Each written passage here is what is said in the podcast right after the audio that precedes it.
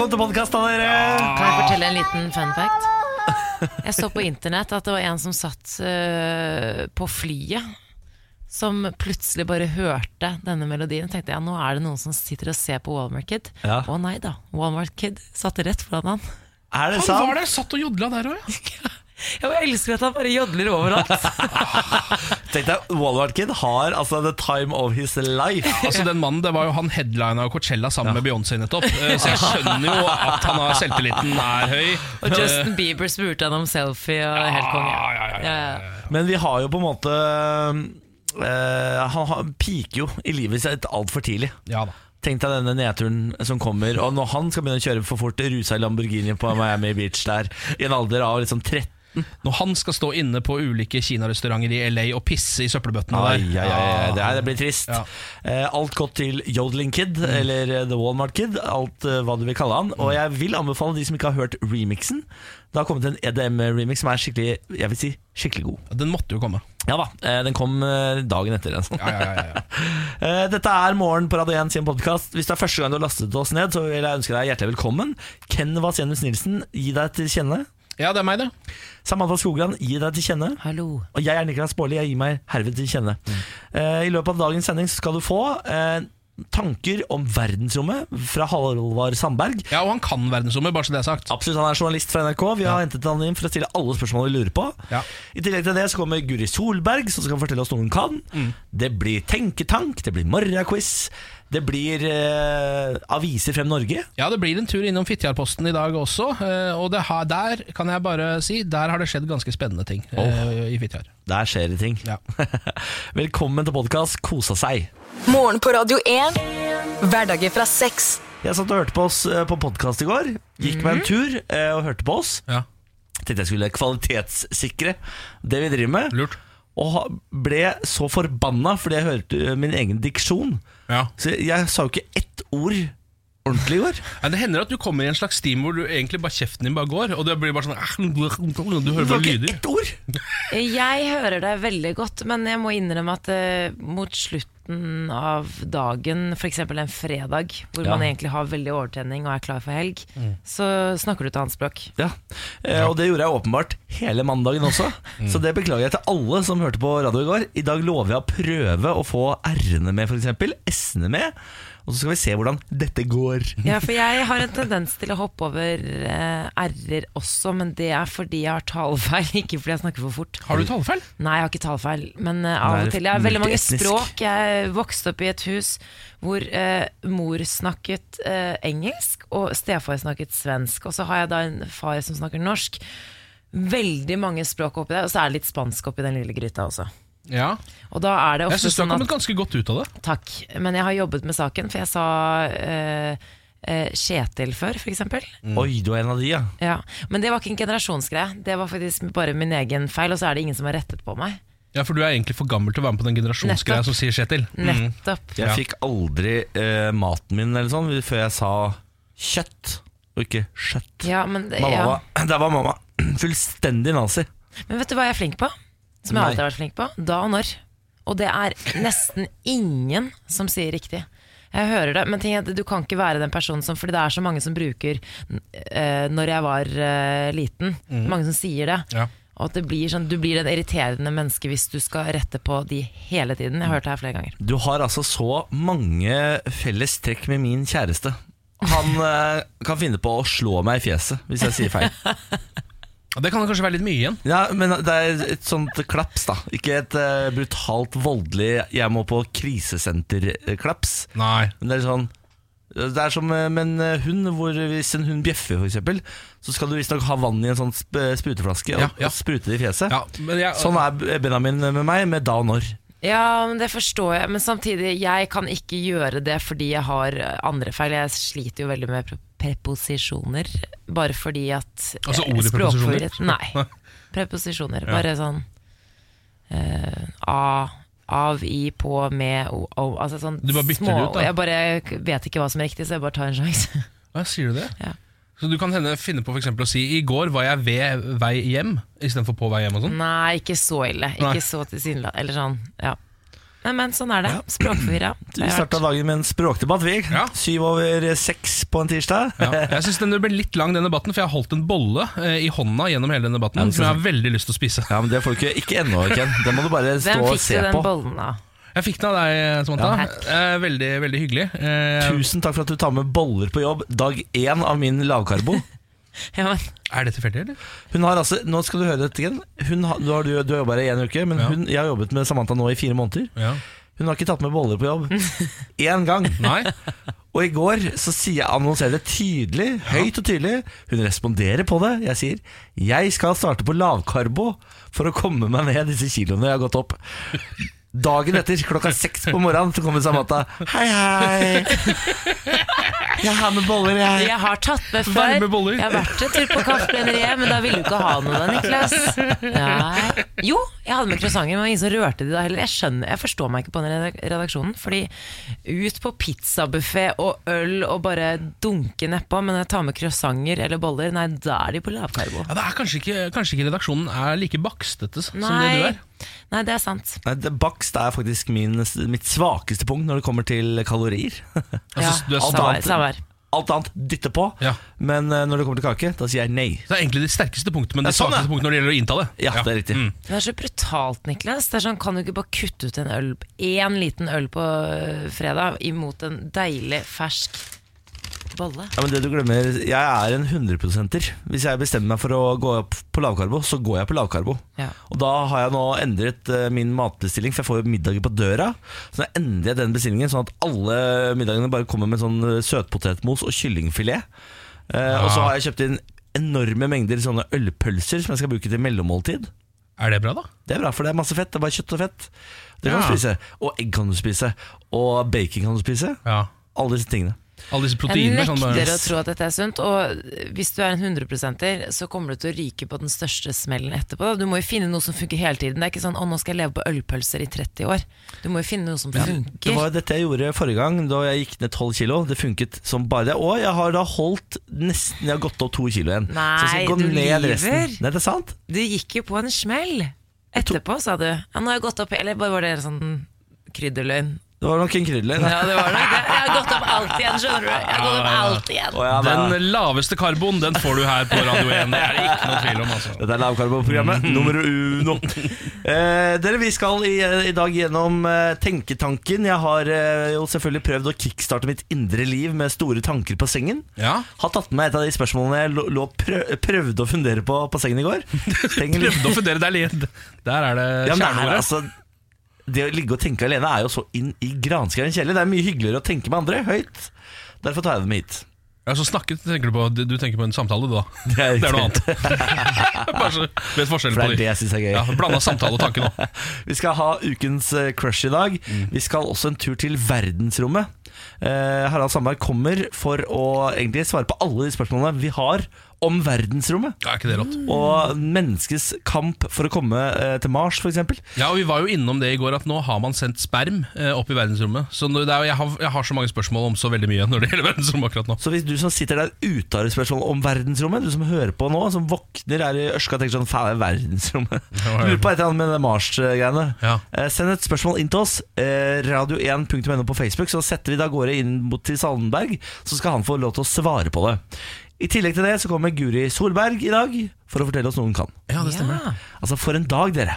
For en dag. Det er packat. Det er Packat. Vi skal snart spille Broiler og Ravel. Du skal få Wild Eyes her i morgen på Radio 1. Nå Hører spiser jeg du, bolla mi, ja. hører du erdene mine nå? eller? Erdene mine er helt rå. Du har veldig, Radio veldig, 1. veldig god diksjon nå. Morgen på Radio 1. Eh, I går, eh, Niklas, Ja. eh, så gikk jeg og du eh, sammen ut fra jobb. Eh, klokka var eh, Ja, var vel blitt elleve, kanskje. Ja. Um, og så akkurat idet vi kommer eh, rett ut på Jernbanetorget her i Oslo hvor vi holder til, så står det en dame og snakker i telefonen. Husker du dette? Absolutt. Ja. Dette er en, en kvinne av asiatisk opprinnelse, og muligens også Jeg tror kanskje hun har bodd noen år også i et land i Asia, for hun snakka asiatisk. Du snakker tydelig høyt og uh, veldig flytende asiatisk. Ja, eh, og uh, veldig høyt. Uh, altså Ekstremt Ekstremt høyt, sånn at det ljoma utover hele Youngstorget. Eh, Um, og på et språk vi, vi ikke forsto. Men da, eh, da tenkte jeg sånn Å ja, snakka litt høyt, det var litt rart, da. Eh, og så gikk jeg videre, og så skulle jeg ta bussen hjem til meg selv. Um, og der står det også en person uh, av asiatisk opprinnelse som skal kjempehøyt i telefonen inne på bussen. Hva sier du der? Ja, uh, og da slo det meg at det uh, er veldig sjelden Altså vi nordmenn Vi snakker ekstremt lavt i telefonen, var det, Veldig. var det jeg tenkte. Ja. Uh, og det, jeg lurer på hva det, Fordi det, hvis man uh, merker noen som snakker høyt i telefonen, så er det veldig uh, sjelden at det er en, eh, en etnisk nordmann som gjør det. Ja, det er kulturforskjeller. Ja, Det er veldig kulturforskjeller. Jeg blir jo så brydd hvis telefonen ringer når jeg er på trikk og Ja. banen sånn, at jeg legger på Ja. ofte. Enig. Det blir jo jeg også. Og det er det jeg syns er litt fascinerende med det. Fordi em, egentlig så Eller jeg har jo skjønt her at hele verden snakker høyt i telefonen, bortsett fra oss. Altså Det er vi som er de rare her. Hvis man er et annet land også, så hører man de bare bable rundt i telefonen og skriker og ljomer og kjefter på hverandre.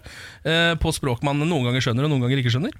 Og Er det er, ja, for Jeg tror det peker på det som du sa, at vi er jo såpass litt sånn, Vi er litt sosialt forkvakla folk. Altså Vi er litt redde når vi er der ute sammen med andre. Vi er jo livredde for andre mennesker vi ikke kjenner. Også altså, sånn på bar, hvis noen snakker til deg på bar som du ikke vet hvem er. Ja.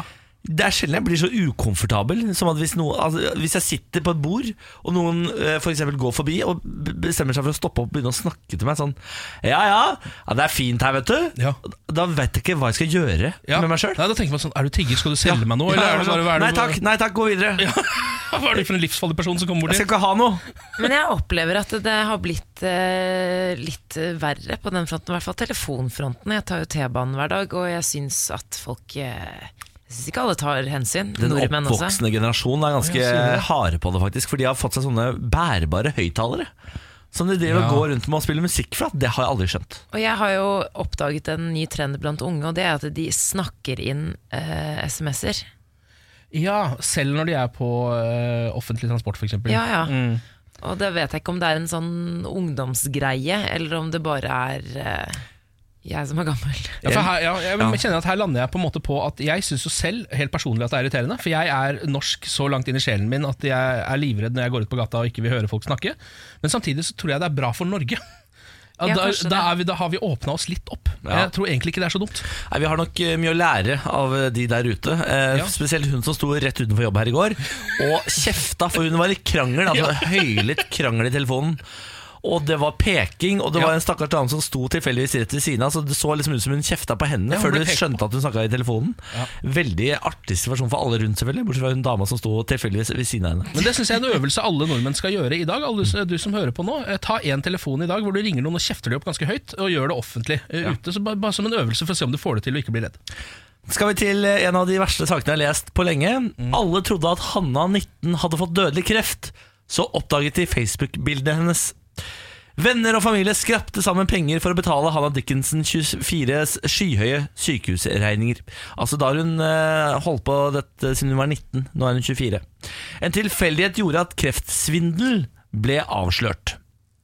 Ok Eh, som 19-åring fortalte Hanna, som kommer fra Melbourne, at hun har en aggressiv kreftform, og at hun derfor måtte behandles i Thailand og på New Zealand. Eh, så hun har da eh, fortalt venner, familie, bekjente at eh, hun er dødssyk. Eneste stedet jeg kan få behandling, det er i Thailand eh, og New Zealand. Ganske fi, fine mål. Det. Absolutt. Så hun har stukket dit, og så har hun latt liksom familie og venner leve i den tro at hun da er på behandling. Men egentlig så er hun og fester og har det gøy. I alle dager. Det forstår jeg ikke. Hvem er dette mennesket? Hvor er hun fra? Hun er fra Australia. Det er det verste jeg har hørt. Hvem har samvittighet til å gjøre noe sånt nå? Eh, Hun. Hanna. Hun har, så har hun har fått eh, venner og naboer til å skrape sammen 250 000 kroner til behandlingen. Hun har fått én fyr til å eh, gi 60 000 kroner, bare han. Eh, Pengene gikk rett til hennes egen konto. Ingen eh, visste at Hanna ikke var syk. Hun trengte bare penger til festing og eksotiske reiser. I skjul brukte hun alle pengene hun fikk på alkohol, narkotika Og og utenlandsreiser. Samtidig fortalte hun foreldre og venner at hun nærmest lå på dødsleie. Hvordan ble hun oppdaget? Postet hun bilder på sosiale medier? Det er akkurat det. Ah. Fordi hun er jo da sant, i Thailand og fester og har det gøy, og så legger hun ut litt selfies på Facebook, fordi hun har jo da åpenbart hatt en Facebook nummer to. Eh, og da har familien bare Dette ser jo ikke ut som eh, dattera vår på dødsleie, her er det noe gærent. Hun har nå da blitt dømt. Dommer David eh, Stavaggi eh, kaller svindelen for avskyelig, og hun ble dømt til tre måneders fengsel.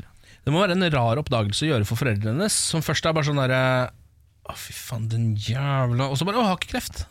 Så bra, hun kommer til å leve. Ja, men det må være veldig sånn ambivalent Ja. Eller ja, litt eh, Ja, en spesiell følelse. Rått. Jeg har ikke kreft, nei, men det Hun hadde ikke vært min datter etter det der. ass. Altså, nei, det tror jeg ikke. Jeg mener sånn, uh, da, da er det lettere å tilgi drap. For, det, da, da, for da kan du si sånn ja, Han var eh, sinnssyk i gjerningsøyeblikket. Ja. Men det her er jo en elaborate scheme Ja. over lengre tid, hvor Ja. du pitter dine nærmeste for penger. Ja, det Verre er- film. Nei, det er, Og bruker også kreft. Det er, det er, der er det mye, altså. er rassmenneske. Ja, det kan man si. Det må eh, være lov å si. Morgen på Radio 1. Glem aldri at du, kjære venn, kan gå inn på vår Facebook-side, radio1.no, og stikke av med skipass for hele vennegjengen til Hemsedal. Ja. Og en leilighet i Hemsedal. Ja. En suite i Skistar Lodge. Ja. Til, i, altså avslutningshelgen i april. Så kan du og vennene dine stikke til Hemsedal, kose dere i bakken, kjøre swing, swang, sjoff. Det er lyder av slalåm i mitt hode. Ja, og Alt du trenger å gjøre, er egentlig å enten ha eh, et veldig lite knippe med venner, eller finne opp noen eh, som du har lyst til at skal være med deg. For du trenger bare å skrive hvem du vil ta med deg. Det er altså så Det er så enkelt. Ja. Det er så enkelt. Gå inn. Facebook.com, søk opp radio1.no, ta med .no, så finner du oss lettere. Eh, Nå, eh, navnet skjemmer ingen, dette vet vi. Det er det noen som har sagt til meg en gang også. Ja. Det Er ikke det rart? Jeg var på praksis en gang, så sa så sa jeg sånn Hei, Niklas Baarli. Ja, ja, ja. Navnet skjemmer ingen. Som mente at det var et litt rart navn. Niklas Baarli. Ja. Helt vanlig navn i mitt hode, iallfall. eh, fordi jeg, det er jo, selv om navnet ikke skjemmer noen, så er det noen navn som er morsommere enn andre. Det Absolutt. må vi bare Det er lov å si. være enige om. Eh, For nå her er det en sak. Eh, Dette er skuespilleren i NRKs nye Skam-kopi. Er det som egentlig er uh, saken her? Det er VG som skriver om det. Blank. Ja, Blank heter den. Eh, og her står det NRK har holdt kortene tett til brystet. Uh, og så De vil ikke liksom si så mye om denne nye Skam-kopien. Og så står det i Blank møter du unge voksne Ella, Susanne og Mats. Men da VG ringte William Greni Arnø, som står bak rollefiguren Mats, var en særdeles oknapp skuespiller som svarte. Jeg kan ikke si noen ting, du må snakke med NRK, sier han. Og så kommer det. Da blir de da satt videre til kommunikasjonsrådgiver Andreas Blå Val, heter han. Nei. Nei. Han heter Andreas Blov, altså B-L-A-A-U-V, bindestrek Val. Å, det er gøy. Det er, det er hans navn. Uh, Andreas Blow-Wahl er ganske taus, men sier til VG at serien så vidt er i gang. Ja, Så her er det bare å følge med, noe mer har vi ikke å si akkurat nå, sier han. Innspillingsleder og koordinator Linn Agnete Olsen sier at hun ikke kan uttale seg, og henviser til Blåhval. Er du sikker på at du uttaler det riktig? Hvordan vil du uttale det B-L A-A, som blir Å, og så U og V. Blov. Blov. Dessverre så kan ikke Andreas Blåhval uttale, uttale seg, så han sender det videre til Andreas Blåhvalrum. Og han kan dessverre heller ikke. Han, eh, Andreas Hvit Hval kan heller altså det er, mm, Her syns jeg det er mye, eh, og spesielt siden man er kommunikasjonsrådgiver. Som jo da er ofte den som får, eh, eller som hele tiden får oppdraget med å kommunisere et eller annet. Og for meg så kommer navnet i veien for eh, alt han prøver å kommunisere. Nå kommuniserer han heller ingenting her, for han sier bare 'vi har ikke noe mer å si'. Som er litt dårlig kommunikasjon, kanskje. Ja. Ja, men det her er jo Sånn her har de jo holdt på Sånn her var det med Skam også Ja. Folk som jobbet i P3 på tiden eh, Skam ble produsert De nektet jo å si noe som helst til noen i P3 Ja. Altså det var Hemmelighetskremmeriet var Ja. overalt Det var bare den bitte lille redaksjonen med Julie Andem Som Ja. visste noe som helst Og var sånn Viske og tiske og sånn eh, i Ja. gangene Og sånn her vet jeg at disse her også holder på Ja. Ingen på NRK får lov til å vite noe Nei, og da burde du selvfølgelig bare også på den tiden Bare ringt Andreas Blåvall Så kunne i hvert fall han sagt noe Han kan ikke si mye han heller Men han er den som sitter på ansvaret Kan jeg spørre, er det bindestrek mellom de to etternavnene? Det er også riktig Ah, da, ja, men da skjønner jeg, fordi jeg tenkte kanskje han kan, kunne gitt fra seg ett av navnene. Og bare kjørt Men det Wahl går ikke når det er bindestrek. Nei, Og vi er det har jo allerede en ganske prominent Andreas Wahl i Norge Ja, det er også sant. ja, Han ja. er Vitenval ja, det er sant det Ikke sant? Så da, Ja, men- du må Aha. ha blå foran deg, hvis ikke så blir det for mange Andreas Wahl i media. Ja, Her er det rett og slett altså foreldrene Lars Blov eh, og eh, Ingrid Wahl eh, Som da ble sammen Og endte opp med at han da heter Blåhval til etternavn Og det kan han aldri gjøre noe med Det går ikke an Det går ikke an hvis du heter Blå og blir sammen med en som heter Wahl til Ja, det er etternavn. det er også veldig bra Her må foreldrene ta kritikk. Dere, Vi skal over til en eh, spalte som vi har eh, Som eh, jeg setter litt pris på, fordi det er Samantas lille mm, kosehjørne. Samantha har jo en tendens til å bli ekstremt lett betatt av mennesker. Ja, Ja. Eh, og ofte kjendiser og folk som er i media.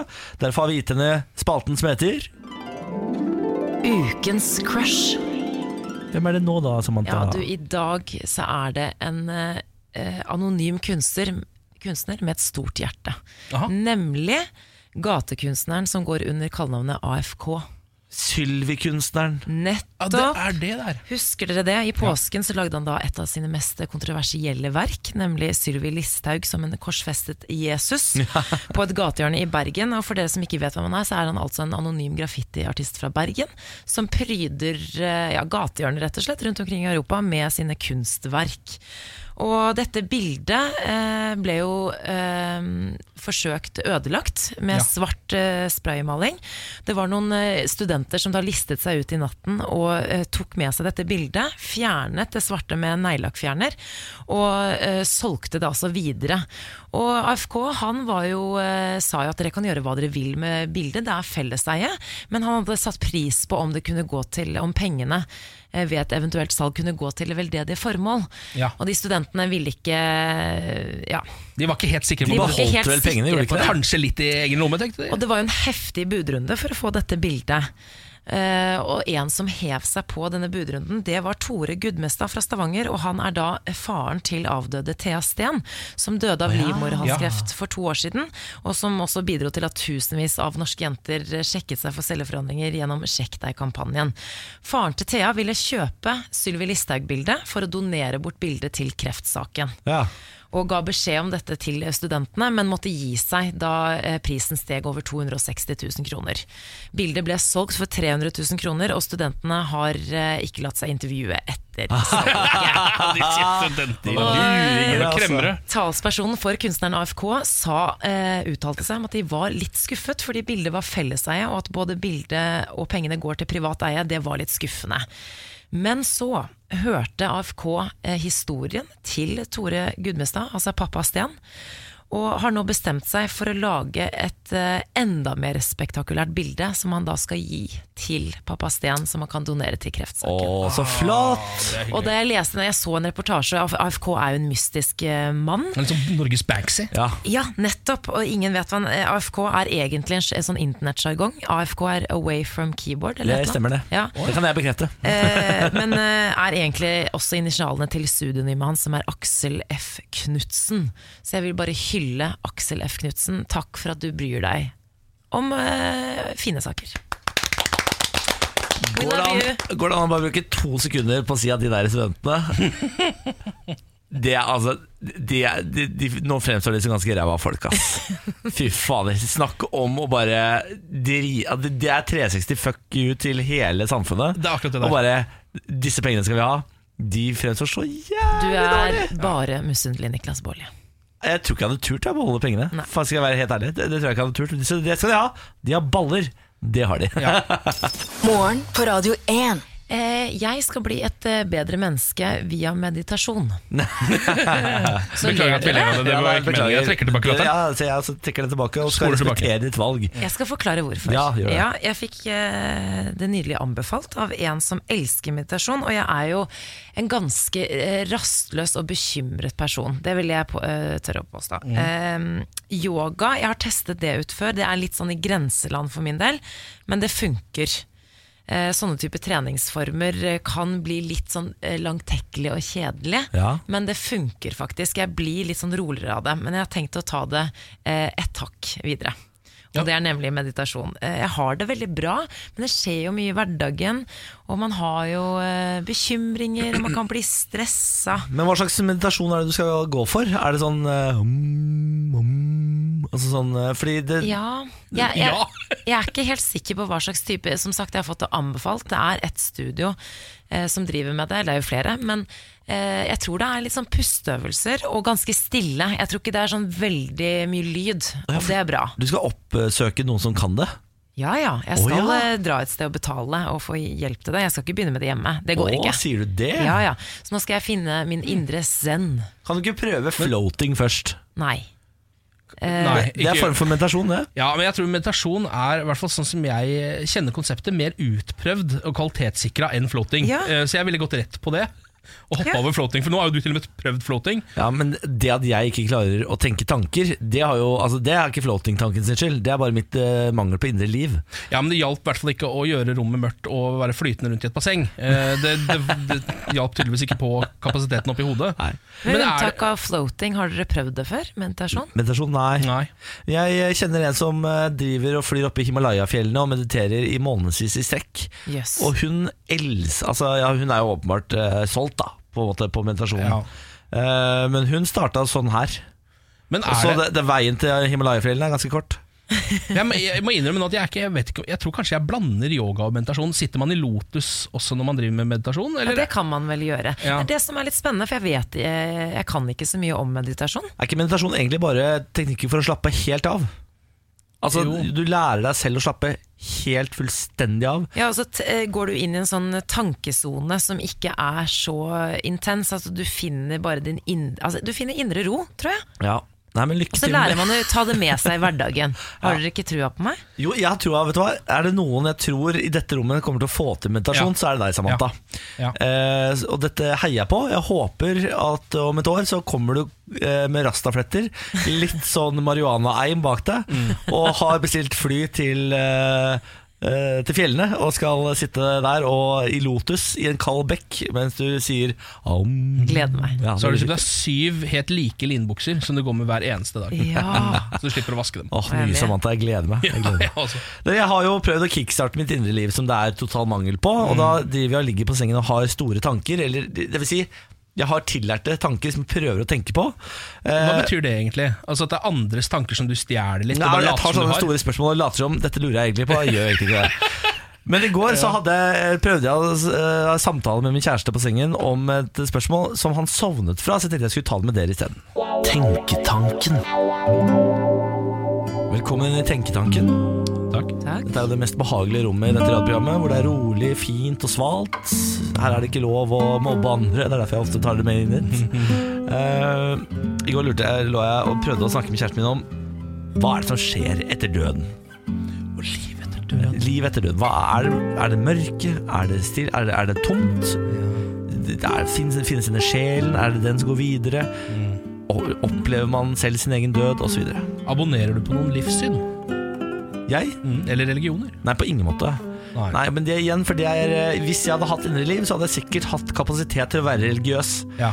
Men uh, idet du ikke har noen indre tanker, så fins heller ikke Jesus. på en måte Nei.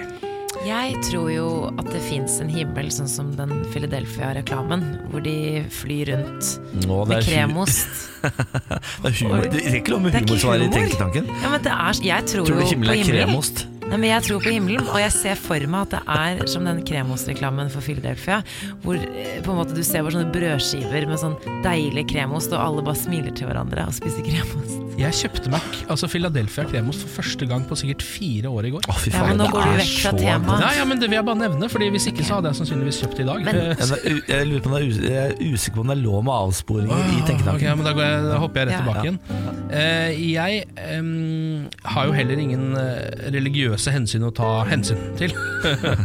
Dobbelt hensyn der, det beklager Um, så derfor så har jo jeg veldig sånn eh, Egentlig sånn kjipt syn på det som skjer etter døden. Nemlig at det ikke er noen ting som helst. Ja, men jeg fikk en At det var din sjanse. Det Ja. var dine, La oss si det er 77 år. Jeg har også alltid trodd det. Mm. Men så begynte jeg å lure på om Hvis jeg, jeg satt og kjørte bil til hytta her eh, på fredag Beklager.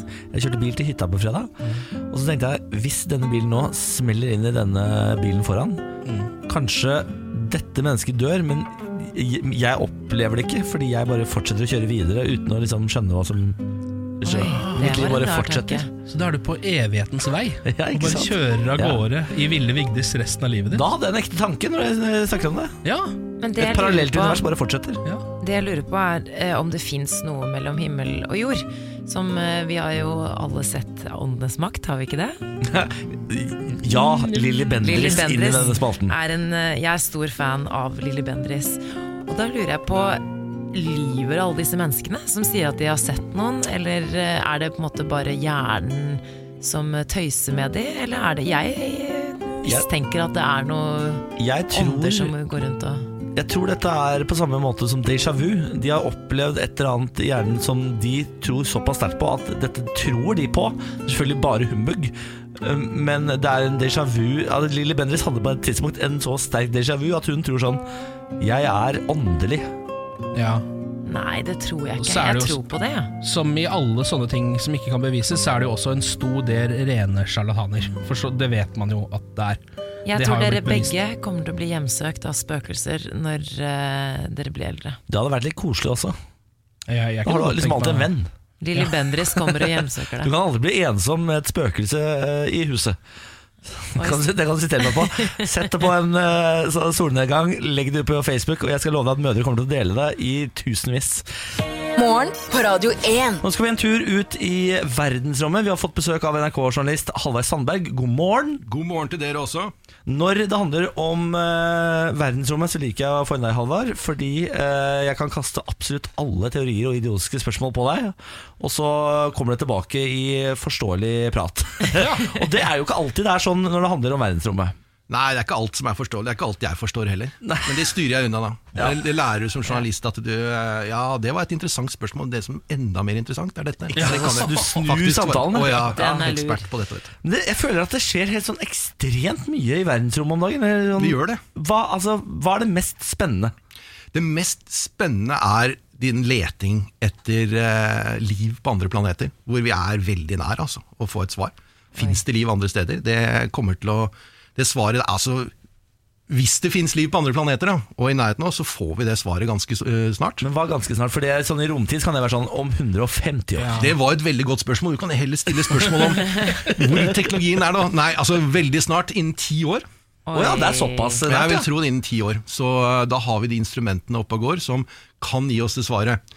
Selvfølgelig, Hvis det ikke er noe liv noe sted, så kan vi jo fortsatt lete, og da kan vi lete i mange mange, mange, mange hundre år. Ja. Vi kan jo ikke si at det ikke finnes. Nei, ikke sant? Kan ikke ikke- bevise et negativ. Nei. Har det ikke vært mye tegn til liv, da? Nei. Hittil har det ikke vært noe Ingenting. tegn. Ikke det spøtt. Det er sånne konspirasjonsteorier, da. For jeg føler at Der er det mye tegn til liv. Der er det mye tegn til Men liv, ja. fader, slapp ikke Pentagon en video av et, eh, en flyvende vesen som man ikke skjønner noe av? da? Det var ikke flyvende vesen, det var eh, en F-18, to F-18 som hadde observert noe som de ikke greide å, å forklare, og som de ble veldig oppskjørta over. Ja. Men det kan f.eks. ha vært eh, noe termisk som foregikk, altså noe varmt, som foregikk veldig veldig langt unna, men så ble det bøyd i atmosfæren pga. brytningsindeksen i varm luft og sånt Nei, nei, nei, nei, nå kan være det. ja, men det var veldig spennende, og jeg melka det for alt det var verdt. Ja, du altså. gjorde det. Ja, ja. Men I går kveld så skulle NASA sende opp en satellitt som har som oppgave å lete etter eh, Planeter. planeter utenfor vårt solsystem. Ja, Eksoplaneter. Ja, men det, det skjedde ikke. Nei, det er ikke fordi at ikke planetene er der. Nei. Nei, dem, eh, Det var SpaceX, han Elon Musk, eh, Tesla Ja, det han, ja. Det er han, ja, som skulle skyte den opp. Ja. Men eh, de bestemte seg for at Nei, de var ikke helt sikre på raketten, så de bruker et par dager for å undersøke litt nærmere. Altså Når man NASA som kunde, så får de ekstra mye penger da Ja. for å være veldig forsiktige, skulle de skyte opp en satellitt til en araber eller noe, så hadde de bare peisa av gårde. De hadde det, ja. Ja, ja, ja. For de er 99,9% sikre på at det går bra. Og så betaler NASA noen millioner ekstra for at du skal få en liten brøkdel til. Men altså, Elon Musk sendte jo nettopp opp en Tesla også opp i verdensrommet. Har han tatt over hele space gamet, eller? Hva det som... Ja, nesten. Ja, han har det, ja. Ja, altså Det er virkelig med det også tilby raketter som er mye rimeligere ja. enn det det var før, så har han tatt over veldig mye av det kommersielle markedet. Men det som andre delen av det som er veldig spennende Altså Vi skal lete etter eh, liv der ute, Ja. og det kommer snart. Det andre er at vi får veldig rimelige raketter. Veldig rimelig tilgang til rommet. ja Altså, men med- med, Veldig rimelig. Hva er rimelig, liksom? Rimelig, altså f.eks. 10 millioner dollar da, Ja, for å sende opp 100, 100 tonn. 150 tonn. Det var ikke så mye. Nei, det er veldig billig. Ja, Det er veldig billig. Ja, det er utrolig billig. Ja, det er ekstremt billig. Og Elon Musk tror at det skal bli enda rimeligere enn det også. Ja. Altså, øh, Så rimelig at du og jeg kan bestemme oss for at vi, øh, vi selger huset vårt og så drar vi til månen, f.eks. Tror du det? Ja, ja. Jeg Det tror jeg. Kanskje vi skal sende opp en Radio 1-rakett med Å, Niklas Baarli? få meg opp. Få eh, første Baarli i rommet. eh, Første Mossing i rommet, ikke ja, minst. ikke minst. det hadde vært vakkert, det. Eh, men ok, da, da har vi det sånn. Vi kommer til å sende opp og lete etter andre planeter. Mest sannsynlig får vi svar på om det finnes liv der ute om ti år. Ja, Eh, men men Jeg skal så- ikke siteres på det at, jo- at det vil skje om ti år. Nei, det er ingen som skriver ned dette. Nei, det eh, og så er det dette kappløpet til Mars. Elon Musk har jo satt en dato for når mennesker skal være på Mars. Ja, Tror du den eh, er det, Var det 2025? ja vil ikke skje. Det ryker. Ja, ja, ja. Men NASA har vel sagt 2030. Ja, for 2030-tallet, sa de. Men Ja. nå, nå driver de med også Ja, det 2030-tallet det inkluderer eh, 2042. Har de bestemt. Men det er jo ikke sant! NASA har litt sånn Definisjonsmakten når det gjelder tall. Men De altså, greier jo å sende folk til månen, så at eh, 2042 er en del av 30-tallet, det, det, det er det, altså. Ja. Men altså, du, du, nå sier du at vi eh, leter etter disse planetene, leter etter liv, eh, og at vi er kanskje nærmere enn vi har vært noen gang. Er det det? Ja, ikke, kanskje vi er Vi er nærmere. Enn men- Ja, Men hvis du nå legger bort eh, journalistjobben din, og så er du bare verdensromsentusiast Halvard Sandberg, tror du at vi finner noe der ute? ja, jeg er nesten helt overbevist, også som journalist, at vi vil finne planeter hvor det er liv. Og det vil vi finne snart. Men har du noen Men formening om men hvordan det- type liv? Ja, det er akkurat det som er, Ja. det er et veldig interessant spørsmål. Det, det som er mer interessant å svare på, det er vil vi finne en teknologisk sivilisasjon. Ja, Ikke sant? Hva ligger i det? Teknologisk, sånn som oss. Nei, det gjør meg så nervøs. Åh, Folk som, eh, folk som driver og ødelegger planeten sin. For det er veldig lett å se, skjønner du. Med de, de instrumentene som kommer, både på bakken og oppe i rommet. Hvis vi først finner kan Sett nå at den der Tess som skulle blitt skutt opp og skal bli skutt opp, den finner 400 planeter som er så nær sin stjerne at den ligner på oss. At der kan det være liv som ligner på oss. Okay? Så har vi de 400, og så kjører vi på eh, James Webb Space Telescope, som skal opp en eller annen gang. Eh, neste år, kanskje, hvis NASA har definisjonsmakten. Og sånne eh, ekstremt store bakkebaserte teleskop som bygger nå, så 40 meter store speil og sånt nå, skikkelig kule ting. Så kan du se på de planetene der, så kan du se, de der, de driver og brenner olje.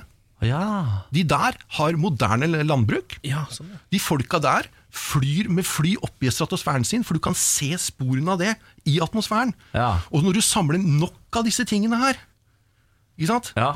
nok av indisier på det, så det der er vi nesten helt sikre på er en teknologisk sivilisasjon. Men tror du ikke at hvis vi finner en oppgående sivilisasjon, så driver ikke de og brenner olje? De flyr ikke med fly. De har, de har klart å teleportere. De lever av vann. Altså sånn, så vi kommer ikke til å se dem i de speilene. Ja, det er det. Det er også et veldig god tanke. Det, var en original, det er ikke en original tanke.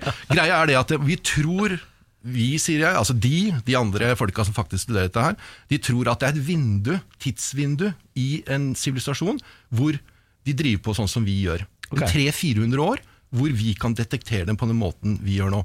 Men så kan du tenke på hva skal de drive på med etter olje? Nemlig fusjonskraft, for Kanskje eksempel. de også har Kygo, liksom? De skal leve av Kygo etter olja, de òg. Nei, men altså, alle trenger en, eh, en energikilde. Ja. Og da skal du se sporet til den energikilden. Ja. Og Hvis det er fusjonskraft, så kanskje de slipper ut noe annet i atmosfæren sin som vi kan se. Ja. Ja. Kanskje vi til og med kan greie å se at det lyser fra byene deres. Altså, Dette er så kult. fascinerende. Jeg, blir, jeg får hjertebank. Jeg. jeg får skikkelig høy puls av det her. Ja, ja, altså, jeg, nå, begynner, nå begynner jeg å synes at rommet svinger litt. Jeg må si det. Ja. Det begynner å komme seg nå, altså. Ja. Nå har er- vi fått sendt nå er- Teslaer og sæd opp der, og nå begynner det å svinge der oppe. Nå er det liksom så nære. Vi Denne ja, den ja, sædgreia er veldig morsom, da. Ja, vi, Ja, Den er for å undersøke om vi greier å lage barn ute i rommet. Ikke sant? Ja. Og, og hva tror du?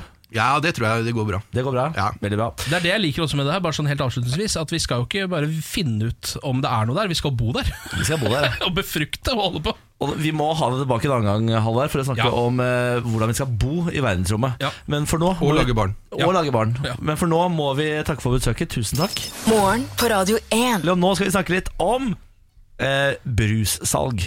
Bra. Ja.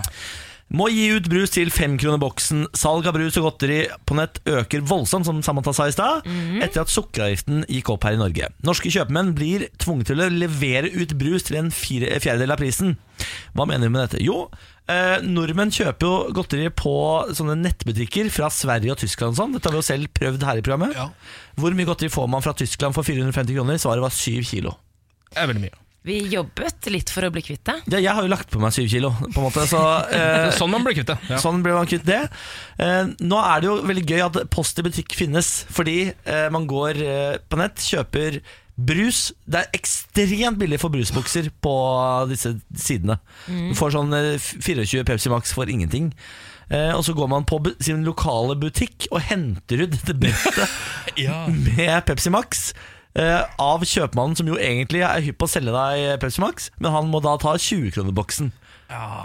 Det er dette den NRK.no-saken handler om. Og så sier Max Godis, som bare er én av disse nettbutikkene, sier at de sender mellom 15 og 20 tonn brus og godteri over grensen hver dag. Hver dag? Hver dag. Jeg trodde du skulle si uke eller måned. 15 til Men 20 slår den eh, sukkeravgiften litt feil, eller? Jeg tenker, ja. hva, hva var eh, intensjonen? Intensjonen var å øke avgiftene sånn at folk eh, ikke Samme som snus og røyk Ja, og sånn? jeg lurer på om Norge er eh, ganske høyt oppe på brustoppen. Ja, jeg tror vi drikker enorme mengder brus. Avsindige mengder Og spiser også veldig mye godteri. Så jeg tror det var det de tenkte. At hvis vi setter høyere avgifter, så blir det mindre av det. Mens, øhm, og det er jeg usikker på om det For det er en veldig klassisk politikk.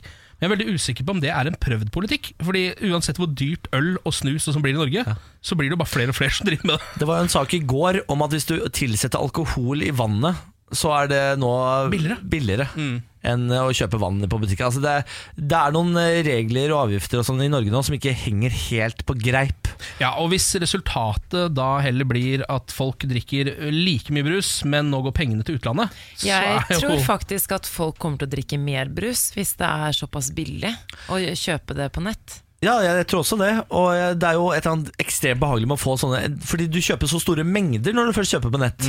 Hvis du kjøpte på butikken først, så kjøpte du da kanskje en halvliter, en en og en halvliter. tok du med deg hjem. Nå kjøper du da 24 bokser i slengen, minimum. Ja. Så jeg tror eh, konsumet kommer til å gå opp. Norske bedrifter kommer til å tappe penger på det fordi pengene går til utlandet. Og, og den avgiften som politikerne tenkte sånn Aha, mer penger i kassa, den tror jeg de ikke kommer til å få fordi eh, rett og slett eh, kjøpinga går ned. Feilslått politikk. Feilslått! Feilslått! Det er det. Ok, jeg har jo et prosjekt eh, her i Morgen på Radio 1 som heter Morgen på Radio 1 aviser deg Norge. Det er en fin tittel, det der. Eh, For det er vel ingen måte, eh, bedre måte å vise hva som egentlig skjer i Norge, enn å gå innom lokalavisene lokalavisene og, ta, og se ordentlig på de. Så vi tar da rett og slett én lokalavis i uka, eh, går innom det hver dag. Og nå er det Fitjarposten. Eh, Som da eh, dekker Fitjar i Sunnhordland. Eh, Einar som foreslo at vi skulle snakke om det, så jeg tror han er fra Fitjar-området. Um, der har vi jo hatt saker som A-laget tapte etter baklengsmål på overtid. Den har vi ikke satt oss inn i, for det virker så tragisk. Jeg, får- def- jeg vil ikke høre om det. Jeg blir, jeg blir bare jeg blir, trist. blir deprimert av det. Uh, Defekt veglys er også en sak som vi snakka om i går. I dag tenkte jeg vi kunne ta saken 'Inviterer til kystgardsamling i Fitjarøyane'. Eh, Femte år på rad vært kystgardsamling arrangert på Fitjar. Denne gangen går turen til Fodno. Eh, og Her har jeg litt av programmet, så folk vet hva som foregår på denne kystgardsamlingen. For jeg har aldri vært på kystgardsamling eh, før. Jeg vet ikke helt hva det er heller. Vi har det i masse. Nei, det tror jeg, det tror jeg Er det nå til helga, eller? Eh, Det har faktisk, dessverre, så har det vært. Nei! Ja, men Sånn er det med lokalaviser. De, Ja. de melder jo gjerne både før og etter. De. Ja, det er helt riktig. Og her vet man jo da hva som skjedde. Ehm, da er det fredagen klokka 15, båt fra Fitjar. Den er grei, ikke sant? Da setter man ut fra Fitjar. Og så klokka 17, synfaring av Bård Inge sitt nye sauehus. det høres ålreit ut å se hva Bård Inge har holdt på med i det, i det siste med det sauehuset som han har bygd. Ja, den er fin. Se hvordan det blir. Eh, og så eh, klokka 20 Planlegging av sviing lørdag. Så det skal tydeligvis svis et eller annet her, som allerede begynner å planlegge Ja. eh, på fredag. Det gjør man i fellesskap. Det er hyggelig, da. Ja, det tar man med Ja. fellesskap. Og så på lørdagen så er det da delefrokost i starten, og mark markvandring med Robert, hvor han forteller om sigardsdrift. Jeg elsker at de går på fornavn her. Og så er det eh, formiddagsmat klokka tolv, det høres jo bra ut. Eh, Og så kommer det da klokka 13 sviing av lyng. Så det er den sviinga de, de skal svi noe lyng. Og det har de allerede planlagt godt allerede kvelden i forveien. Og så er det båt eh, tilbake til Fitjar igjen klokka fire. Ja, Det er en kystgård, sier vår eh, nynorske produsent på sida her, La Kristin. Ja, Sier- Kystgard, det er kystgård, ja. Ja, ja. det- Men det visste ikke jeg. Skjønte ikke jeg. Nei, Så det er da samling av folk som driver med kystgårder? Ja, ja, det Man samler en eh, gjeng folk på båt, seiler ut en gård, og så steller man på gården, og så seiler man tilbake. Å ja, Så det er som en felles dugnad for de andre, sånn som f.eks. Bård Inge sitt sauehus Det, ja. Mm. det er Farmen uten kameraer. Det, er akkurat det der. Det er akkurat det der. Ja, så det blir mer fra, fra Fitjar i morgen, selvfølgelig. Vi gleder oss Mm. til at du skal vise aviser frem med av Norge. Morgen på Radio 1. Og inn fra gata kommer Lars Berrum!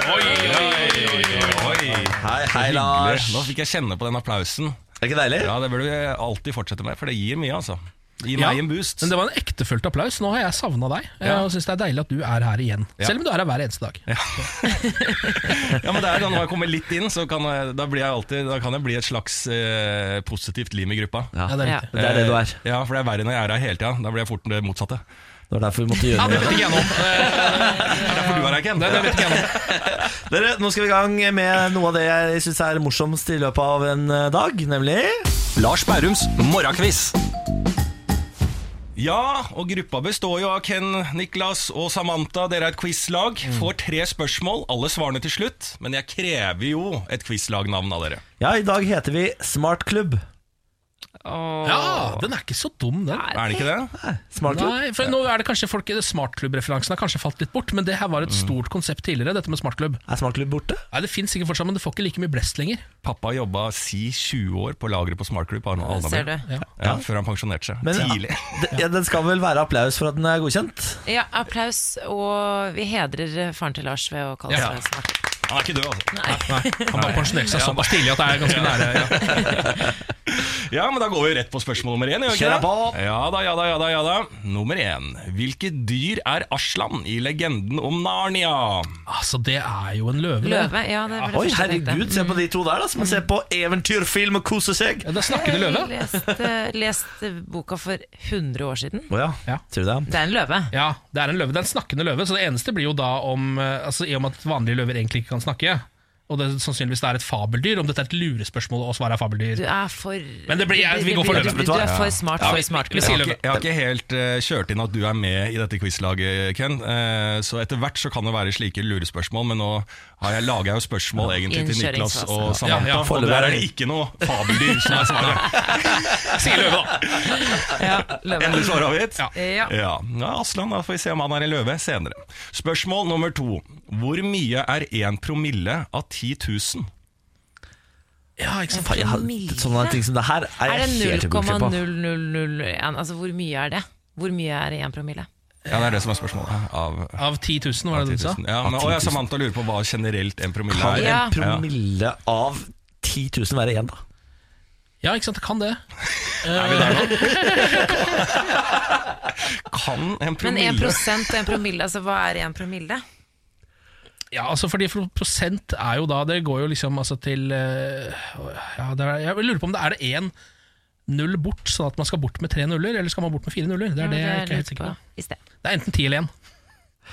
Jeg har er falt av, vårt eget resonnement. Ja, men Nå må du melde deg på igjen, for nå sier Ken, den smarte gruppa, det er enten 10 eller én. Det er enten ti eller én? Jeg tror ikke det. Altså, det, er så, det er så rart at han ler, for jeg, det, det er jo det mest logiske noen har sagt Nei, men hittil. det, det, skjønner ikke. Jeg kan ikke tall. Nei, men det kan ikke ikke jeg jeg Hele heller. gruppa er smart og sier da Ja, men jeg er enten 10 eller 1, så, sier, eh, så kan du ikke begynne å le av den ene som kommer med et forslag. Jo, men jeg, jeg bare heier på det. Jeg skjønner ikke hva som var så gøy med det. Jeg, heier, nei, jeg ler av min egen idioti. Det Her er må det jeg som også si skjer at nå. de, eh, altså Mine eh, svake punkter er jo matte og himmelretninger. Ja. Eh, Det er de to jeg ikke kan eh, noe særlig av. Så svarer vi. Men er én litt for lett? Er det, eller er det på en måte for enkelt svar? Er det ti, da? ti? Skal vi prøve ti, da? Da prøver vi ti, da. Okay. Prøv ti. Ja. Endelig svar avgitt. Smartklubb svarer ti. Ja, Ok, så Spørsmål nummer tre. Den mest kjente av Ludvig, eh, Ludvig van Beethovens symfonier er utvilsomt den femte. Ikke sant, Niklas? Skjebnesymfonien. Ja, ja. Eh, hvor mange symfonier skrev Beethoven? 32. 32, ja. Ja.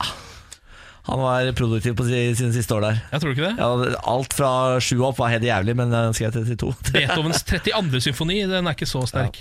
Nei, Skal vi holde oss innafor ti, kanskje? da? Ja, kanskje eh, For De brukte jo lang tid på dette, eh, disse symfoniene sine. Men han må jo ha vært aktiv Skal vi si altså, tolv? ja, fordi, altså, altså, Jeg vet ikke hvor lenge Beethoven holdt på med symfonier, men la oss si at han hadde en eh, musikalsk karriere på 15 år. da Eller 10. Skal vi si 16, da? Eller kanskje litt mye? Er det det? Da skriver man ikke mer enn en symfoni i året? på en måte? Jeg tror ikke du skriver en symfoni i året heller. ass. Ja, men gjør ikke det? Tror du det?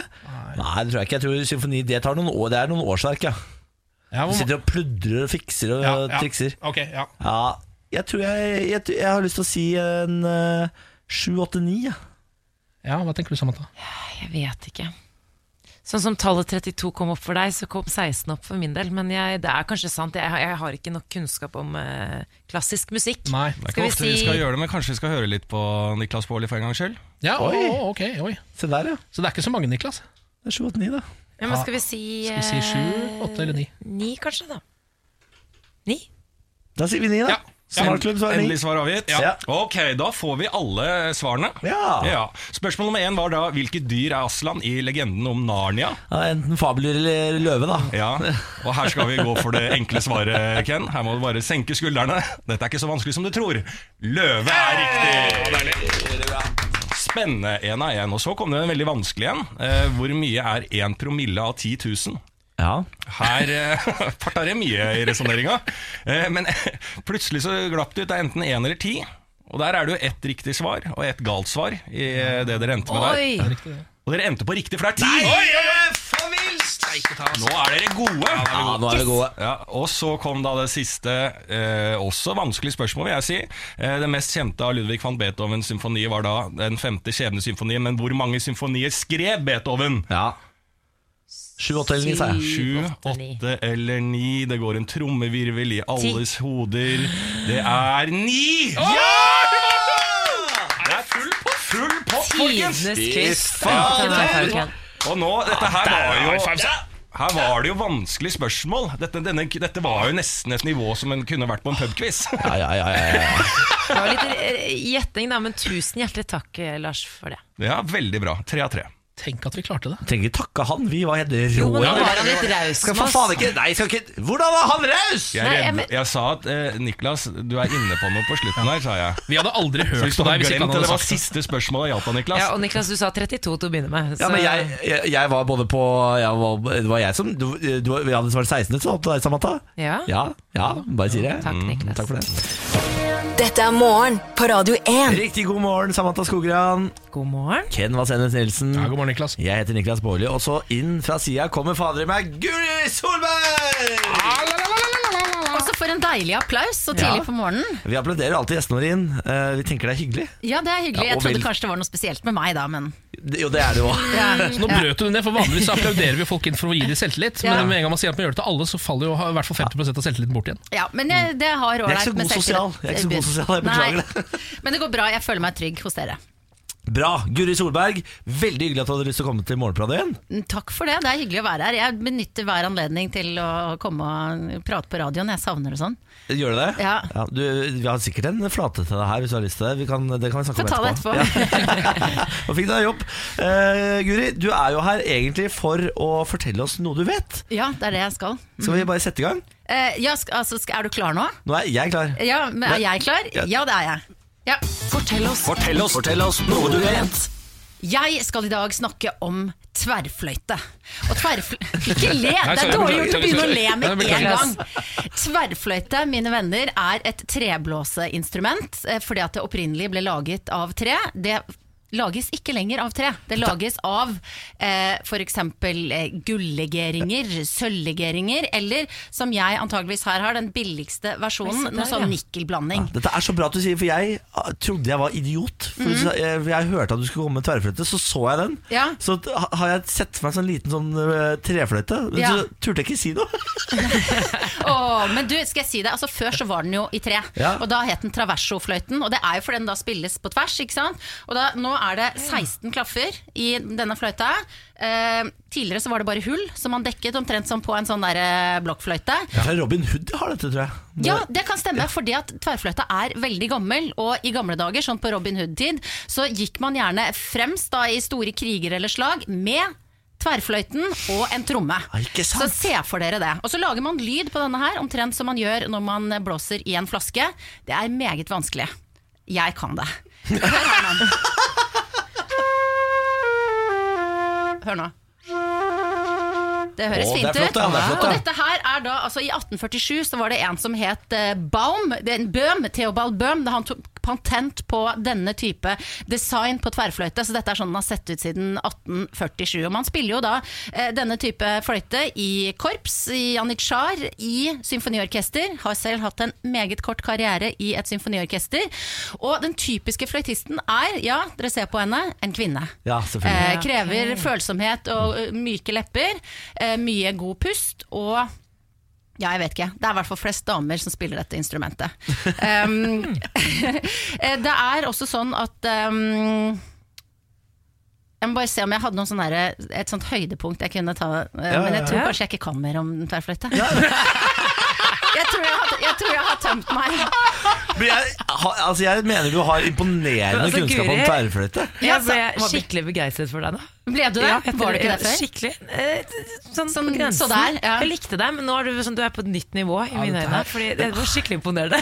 Og så vet du hva, Jeg har jo med en, en eh, Vi spiller fløyt eh, som eh, nummer tre. Som er den Da var jeg vel ca. 10-11 år da jeg spilte den boka her. Eh, er omtrent det nivået jeg er på nå. Ja, fordi du har altså Dette er da en uh, notebok. Ja. Eh, og da, da lurer jeg på Fordi du har slått den opp og funnet en side og sånn. Ja, Men har du brukt Eller bare er det for show at du har med deg boken i dag? Eh, nei.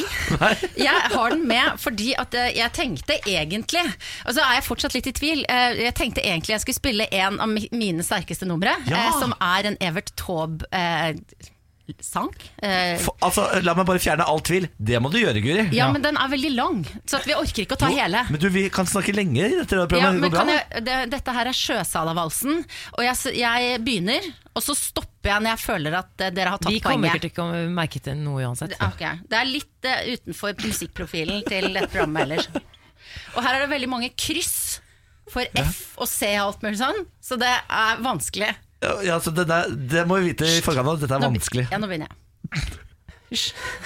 Beklager. Det er vanskelig å le når man spiller fløyte.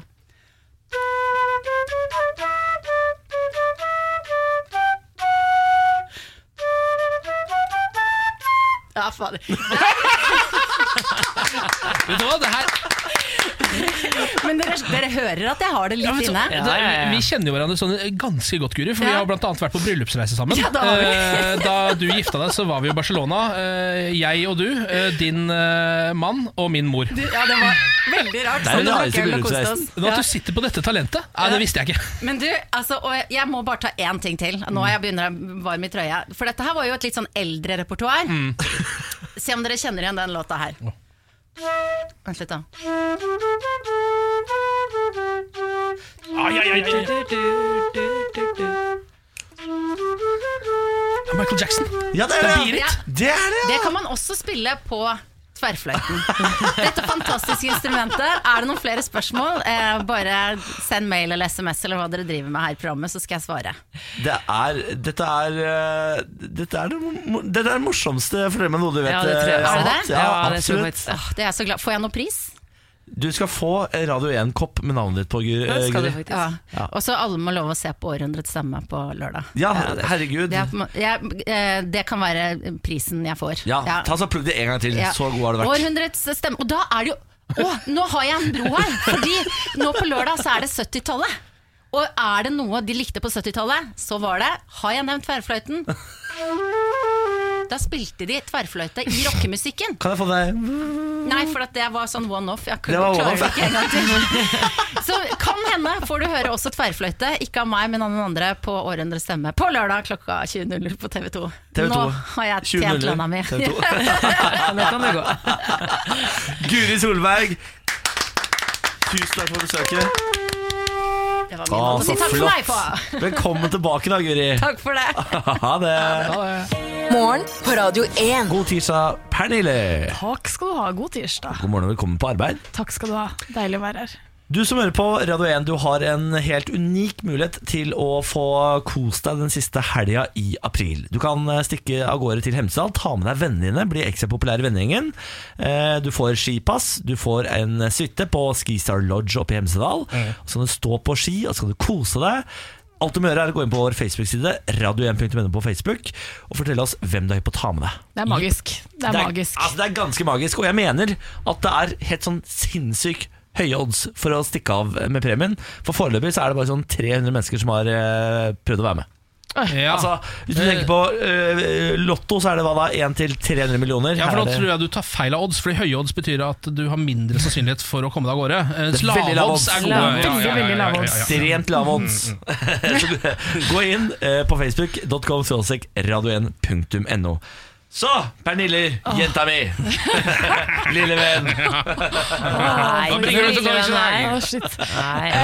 Eh, Forrige fredag så var jo jeg en ganske sånn eh, sur customer fordi at eh, jeg hadde kommet over en reklame på Instagram eh, som Ansikta Medica hadde, eh, der legene Mikhail Savaroshav jeg klarer ikke å si det, og Elena Egorina hadde reklamert for at eh, hvis du er russ i år, så kan du få leppeforstørrelse til 2500 kroner helt fram til 17. mai. Hva for et skup? Ja. Rabatt på leppeforstørrelse. Og dette her er jo problematisk i seg selv, men eh, senere den samme fredagen eh, så prøvde legen å forsvare seg selv, og så sier de at eh, de mener at det er dobbeltmoralsk å ikke, til, eh, ikke å tilby unge jenter å få endret sitt utseende når de kan få prevensjon og ha sex. Kan få prevensjon og Dette ha her, sex. altså sånn, for at de har fått masse liksom, dette her, Dere er leger, dere skal do no harm. Ikke sant? Dette her hjelper ikke noen pasienter til å leve et friskere liv. Du vet ikke hva langtidseffektene på disse fillersene er, det vet man jo ikke. Eh, og så mener de da, de sier Ovenfor NRK den 13.04.2018 hevder de to at det er dobbeltmoralsk ikke å tilby unge jenter å få endret sitt utseende når de kan få prevensjon og ha sex. Jeg Yes. vet ikke Jeg skjønner ikke sammenhengen. Nei, jeg ser heller ikke sammenhengen. Ingenting. Nei, det er ikke jeg heller, fordi de mener da også Eller jeg, jeg tror jeg måtte jo tenke på dette ganske lenge, og jeg tror tanken er at uh, sex heller ikke er noe som på en måte bedrer helsen. Jeg vet Det gjør du det jo. Altså, ja, altså, det er jo fryktelig rart, dette her. Jeg, er- jeg, jeg prøver altså, nå så godt jeg resonnementet Det er så dumt, da. Og jeg blir så irritert, fordi det å menneske, altså Mennesker og delfiner er jo de eneste som har sex for nytelse. Dette her vet vi jo at eh, sex utløser endorfiner og gjør deg lykkeligere og liksom Ja, sånne ting. ja. Helsemessig eller eh, bra ting. Ja. Men leppeforstørrelse utløser ikke, så vidt jeg vet, noen endorfiner. Ja, og gjør men ja, det kan jo gjøre det hvis du får eh, leppeforstørrelse og tenker sånn fy faen, fine lepper blir lykkelig. Da utløser endorfiner. Ja. Altså, hvis du er ekstremt misfornøyd med leppene dine og ta fillers, så kan det selvfølgelig være helt eh, topp, det. Eh, problemet er jo at de skal drive og pushe det på unge jenter som sikkert har nok å tenke på. Ja, Det er ikke jeg også russetid. tenker. Jeg skjønner ikke hva det har med russetid å gjøre heller. Det er også et litt ja, de, har, de klarer jo heller ikke helt å argumentere for det, eh, syns jeg. De, de drar liksom inn noe helt annet. Er det fordi at de tenker eller at i deres verden så er sex noe man ikke kan gjøre før man er eh, altså godt opp i 30-åra? Er det det de tenker? Og derfor så Ja, det er det jeg ikke skjønner. For at, altså, sånn, det, er jo så, det er jo så teit. De har jo liksom ikke noe, de stopper jo bare der. Det er bare sånn, Vi syns det er dobbeltmoralsk fordi vi gir jo prevensjon til jenter. Eh, og så er det liksom det argumentet deres. Ja, men herregud, Hvis eh, en jente kan kjøpe kebab på kiosken, så er det klart hun skal få, kunne få leppeforstørrelser også. Ja, det er liksom det, Det de er sier. umoralsk eh, og ikke hvis, hvis jeg selger kebab til henne, så må jeg kunne selge leppefillers. Men Ja. utrolig gode nyheter, dere. Ja. Jeg ba jo folk om å boikotte og rapportere denne brukeren på Ja. Instagram på fredag. Fortsett med det. Jeg fikk også sånn svar at Ja. det gjelder ikke. De bryter Men ikke. De har gått fra 2500 følgere på Instagram til 900. Veldig så det er bra. bare å fortsette boikotten, folkens. Ansikta Medica, her, ja. oppfordring, 912 er de på nå. Ja. Og de har har fortsatt, tolv medlemmer, tolv følgere siden. fortsatt privat konto. Yes. Eh, så ja ja. Men eh, god bedring til Ansikta Medica. Ja. Ja. Ja. The Jinx, eh, Robert Durst er i retten igjen. Har dere sett serien The Jinx? Nei. Å, Det er det beste TV. Pernille. Har du ikke sett det? Nei. Det er det beste TV. Det TV. engang? En true crime-serie oh, ja. som heter The Jinx eh, på HBO, hvor man blir kjent med den eh, eksentriske arvingen Robert Durst og kriminalsakene han har vært involvert i. Han var mistenkt i konas forsvinningssak. Eh, Så drapet på naboen. Han var også mistenkt for drapet på venninnen hans Susan Berman, Herregud! men ble funnet uskyldig den gang. Nå gikk det opp for meg Hva da? at Colin Sweeney i The Good Wife er Robert Durst. Okay, men nå har, nå har verken, Jeg tror ikke Pernille har sett verken The Good Wife eller The Jinx. Nå må ta, ta The Jinx eh, først, okay. eh, Niklas.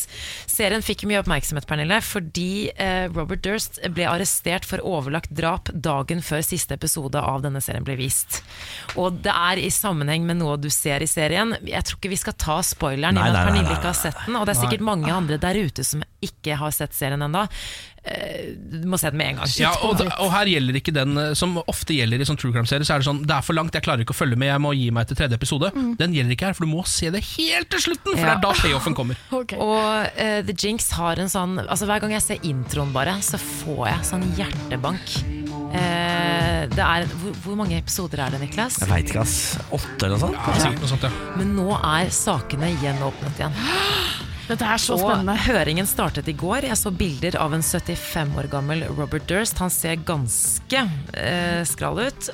Om påtalemyndighetene får gjennomslag, så vil Robert Durst bli eh, stilt for retten for drapene på de to kvinnene, da, altså kona hans og venninnen. Ah. Perfekt. Never ending story. Dette er spennende, dere. Men Pernille, jeg, bare, jeg er misunnelig på deg for at du ikke har sett serien. Og det er så fint. Det er så fint. For det er det, det, er det beste TV-øyeblikket jeg har hatt, tror jeg, i mitt liv. Eh, Oi. Den, ja, det tror jeg. Ja, Du det legger det over Game of Thrones Thrones og liksom alt sånn? Ja, ja, ja, ja. Ja, eller det er jo virkelig. Så det blir liksom litt sånn man sitter igjen og bare sånn i alle dager. Ja. Jeg føler at jeg får den følelsen Eller at jeg kommer til å få den følelsen jeg ser dette her, som jeg fikk eh, da jeg leste den liksom lange lange VG-dokumentaren om Scandinavian Star. Ja, men det kan godt være. Det kan godt være. Det kan nok hende. Morgen på Radio 1. Jeg er jo som kjent en litt nevrotisk fyr. Eh, ganske mye, ganske mye hva skal vi si, bekymringer i hverdagen. Og akkurat nå som verden er som den er, og Syria og sånne ting, så er det jo mye å bekymre seg for generelt. Du er på en måte avataren til generasjonen din. Det er, noe, det er akkurat det her. Ja. Som alle andre født i den generasjonen jeg er. Og en, jeg er jo Jeg tenkte sånn Skal jeg tenke at dette er ukas bekymring, Syria og sånn? Men så tok jeg det inn til meg selv, og tok på ja, eh, for, på, bare personlig, da. Ja. Eh, Fordi jeg er jo, har jo litt tvang, eh, som eh, jeg vet at noen andre i dette rommet også har litt av. eh, Og sikkert mange der hjemme. Og min tvang går jo ikke nødvendigvis på at jeg må slå av lyset tre ganger og den greia der, men jeg må alltid være ren på hendene. Og Ja. dette her, og jeg, jeg antibac meg jo og har veldig veldig tørre hender til enhver tid. Og vasker hendene kanskje jeg vil si 15-20 ganger om dagen. Oi da. Det var mange ganger. Det var ganske mange ganger, tror jeg. Jeg vet ikke. Tror det er, er det, det er i hvert fall ti mer enn meg. Ja, eh, samme samme her. Jeg tror jeg, mine er liksom eh, begrensa til toalettbesøk og Ja. når jeg skal ha omgang med mat. Tror Ok, jeg. så hvis du, for jeg lurer på noe Fordi at Hvis du da kommer hjem etter en dag og har tatt på nøklene dine, og sånn, går ikke du og vasker hendene da? Nei. Man vasker jo hendene med en gang man kommer hjem. Ja, når man har vært ute. Takk skal du ha. Nei, det tror jeg ikke Nei, jeg gjør. det gjør ikke jeg heller. Jeg venter til jeg skal gjøre noe. Altså hvis Jeg skal eh, jeg, jeg kan komme hjem og så bruke noen timer, og så skal jeg lage mat. Da går jeg og vasker hendene. ja, sant? Jeg er enig med deg, Pernille. Kanskje ikke i så, like stor grad. Og jeg tenker det med antibac, den er litt vrien, fordi det er bevist. Vi har jo i redaksjonen en sykepleier, han heter Lars Berrum, og han har fortalt at det faktisk nesten ikke hjelper noen ting.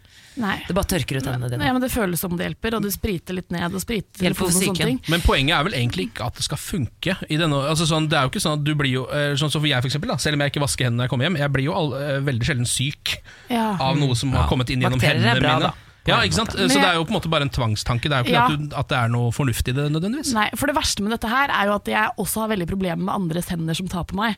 Hvis, hvis, no, hvis, Ja, du, har, hvis, du har litt, hvis du har klamme hender og tar meg på eh, altså sånn, bare brystet sånn Der hvor det er hardt, liksom ikke puppene, men brystet, så får jeg fullstendig panikk. Det, Men det er forståelig hvis jeg nå plutselig hadde lagt Ja. ut min klamme hånd og tatt deg på brystet, Ja, så hadde det vært litt rart. på. Hvis du hadde, vært sånn, hvis du hadde trøstet meg og tatt meg på hånda, så syns jeg også det er fryktelig ubehagelig. Ja. Ja. Så du, du leier ikke. Jeg leier, eh, nei, ikke med mindre jeg vet at du har tørre hender. Tørre Ja. hender. Men det Ja. gjelder dette også hvis man bare tar deg på klærne? Altså, det trenger ikke å være borti huden din for at det skal være ekkelt. Det kommer an på hvor tynne klær jeg har på meg. hvis, jeg har strømpe, hvis jeg har en eh, tynn strømpebukse, eksempel, så syns jeg det er litt vanskelig hvis eh, du har klamme hender og tar meg på For da tror du bakterien trekker seg gjennom strømpebuksa Jeg vet ikke om det handler om bakterier eller noe, men det er bare fordi at jeg får sånn her, Jeg føler at jeg er inni en sukker, eh, sukkermaskin, eh, sånn, hva heter det, sånn sukkerspinnmaskin, og bare blir klissete.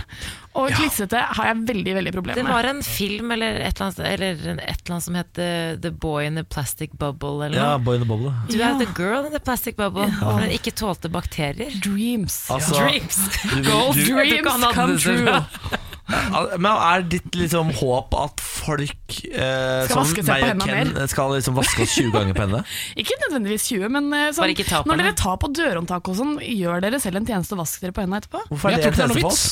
Skjønner- Ja, hvorfor, men hvorfor er det en for oss? Nei, men altså, det er bare fordi at Da slipper dere å ha sånn der, Kjenner dere nøkkellukt på hendene? Skjønner dere hva jeg mener da? Lukt. Hvis jeg lukter på nøklene deres, så skjønner dere at dette her er Pernille, jeg er helt enig. Det er som den peanøttskålen på bardisken. Ikke den- ta oppi der. Dere er sånn som ruger litt oppi der, så slikker dere på fingrene, legger det tilbake igjen, så kommer dere tilbake hit og tar på tastatur Altså, og mikrofon og alt. Vær du sikker at hvis det er gratis peanøtter på en bardisk, så er jeg oppi den eh, skåla. Det Ja, skal du vite. og, og husk også på at hvis eh, alle hadde vært som dere, så hadde samfunnet vært et ganske uptight, eh, litt sånn Ja. Ekkelt og deilig. rart sted. Og også et sted hvor vi har blitt sjuke hele tiden. For vi hadde hatt Jeg og Pernille ville vært dronninger av verden, og Gjør dere ville ikke levd lenge. Samfunnet trenger oss. Ken. Helt enig, Niklas. Vi skal spille Chainsmokers og Roses eh, nå, og så kommer Walk the Moon og Shut Up and Dance. Dette er Morgenprodien. Hei på deg. Morgen på Radio 1. Det var det. Kan jeg spørre dere om ting? Ja. Ja. Jeg, var nettopp, eh, jeg er jo ny her i programmet. Jeg har bare vært her i en uke nesten. Men sånn du klarer deg, Ken. Hæ? Ja, takk for det! Takk for det. Eh, Jeg er rimelig selvgående, men det er noen ting jeg fortsatt lurer litt på. Eh, Toalettet her. Ja. Eh, Der er det et eh, ganske fancy panel på veggen. Ja, for vi har sånn japansk toalett på det ene. Ja, hva er det for noe? Er det sånn eh, du spiller deg i rumpa-toalett? Er det det? Jeg har eh, jobbet her i, på huset i snart ni måneder. Mm. Har ennå ikke turt å bruke det toalettet, for jeg er redd for at den skal spise meg opp. Ja. men jeg er litt enig, for jeg, får, jeg føler meg litt som Ross i Friends når jeg går inn der. At jeg tror Hvis jeg trykker på noe nå, så Ja. plutselig så eh, blir jeg spylt ned av vann eller solkrem eller Ja, eh, så Ross nå selvbruning. skal få spraytan, Ja. og så bomber han sånn tre ganger på rad. Ja, Veldig gøy. Sånn følelse får jeg når jeg er der inne. Ja, prøv det. Ja, Vil du anbefale det? Ja, jeg og Chris her, eh, de to homofile i redaksjonen, vi bruker det toalettet. Men Så det er en blanding av et toalett og et bidé? Er det det der? Ja, Ja. det boud, Hva heter ikke boudoir, men ja, bidé. Ja. En sånn dusj. Boudoir, hvor er det fra? Boudoir. Det er et veldig fancy ord som jeg ikke helt vet Hva det betyr. Hva er det fra? Jeg vet ikke, men jeg har lyst til å si det hele tiden. Boudoir. Just going to my boudoir. Ja, nei, men Jeg anbefaler å prøve, altså. Ja. Men det er litt sånn vanskelig å forstå hvordan du bruker det. Så du, du, du prøver å feile litt, og uh, det spiller når du, når du sitter her og det spiller, og du tenker sånn Nå har jeg trykka feil, nå kommer det aldri til å slutte. Jo, da hadde du bare litt til. Så Men det er flere knapper. Ja da. Men, ja. Trykk på de alle, Ken. Ja. Trykk på de Jeg, det er mulig, jeg får se også om jeg feiger ut på dette, men neste gang jeg skal inn der og være der lenger enn to minutter, så er det mulig at jeg må lage en reportasje av det. Ken kommer aldri ut igjen. Vi må hente han. Ja, men eh, Lykke til, Ken. Ja, jeg gleder meg på, til rapport på hvordan det der Ja, fungerte. takk for det. Eh, vi takker for i dag. Vi høres i morgen. Ny podkast da. Bon voyage. Bon voyage! Hei då.